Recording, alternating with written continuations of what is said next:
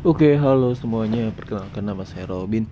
Oke, di podcast kali ini saya akan membahas tentang bagaimana kita melakukan investasi. Kalau kita masih muda, masih kuliah, dan penghasilan kita juga pas-pasan saja bagaimana kita melakukan investasi. Nah, sebelum kita melakukan investasi, yang perlu kita ketahui untuk melakukan investasi kita harus memiliki komitmen bahwa kita ingin menunda kesenangan untuk kesenangan di masa depan. Itulah konsep kita untuk melakukan investasi. Oke, kenapa kenapa seperti itu? Karena kalau kita melakukan investasi, otomatis akan ada pemasukan yang kita sisihkan untuk kita lakukan investasi. Nah, makanya dengan begitu otomatis kita menunda kesenangan kita pada sekarang ini untuk masa depan. Jadi uang yang kita sisihkan ini nanti ke depannya akan menghasilkan return ataupun tidak. Nah, ini akan mulai membingungkan ya.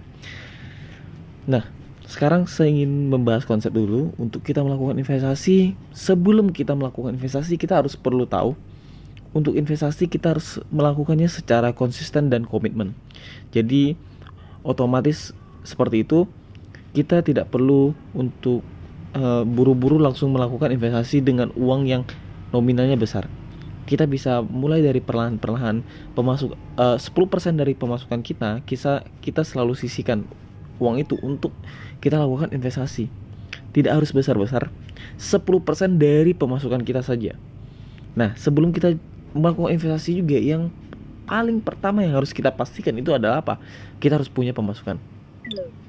Setelah itu, kita harus memiliki pemasukan yang lebih besar dibanding pengeluaran kita sehari-hari. Itu paling penting. Kenapa? Karena banyak sekali orang ini red race. Kenapa saya bilang red race? Karena setiap bulan kehidupan mereka seperti itu-itu saja. Setelah mereka dapat gaji, mereka habis-habiskan.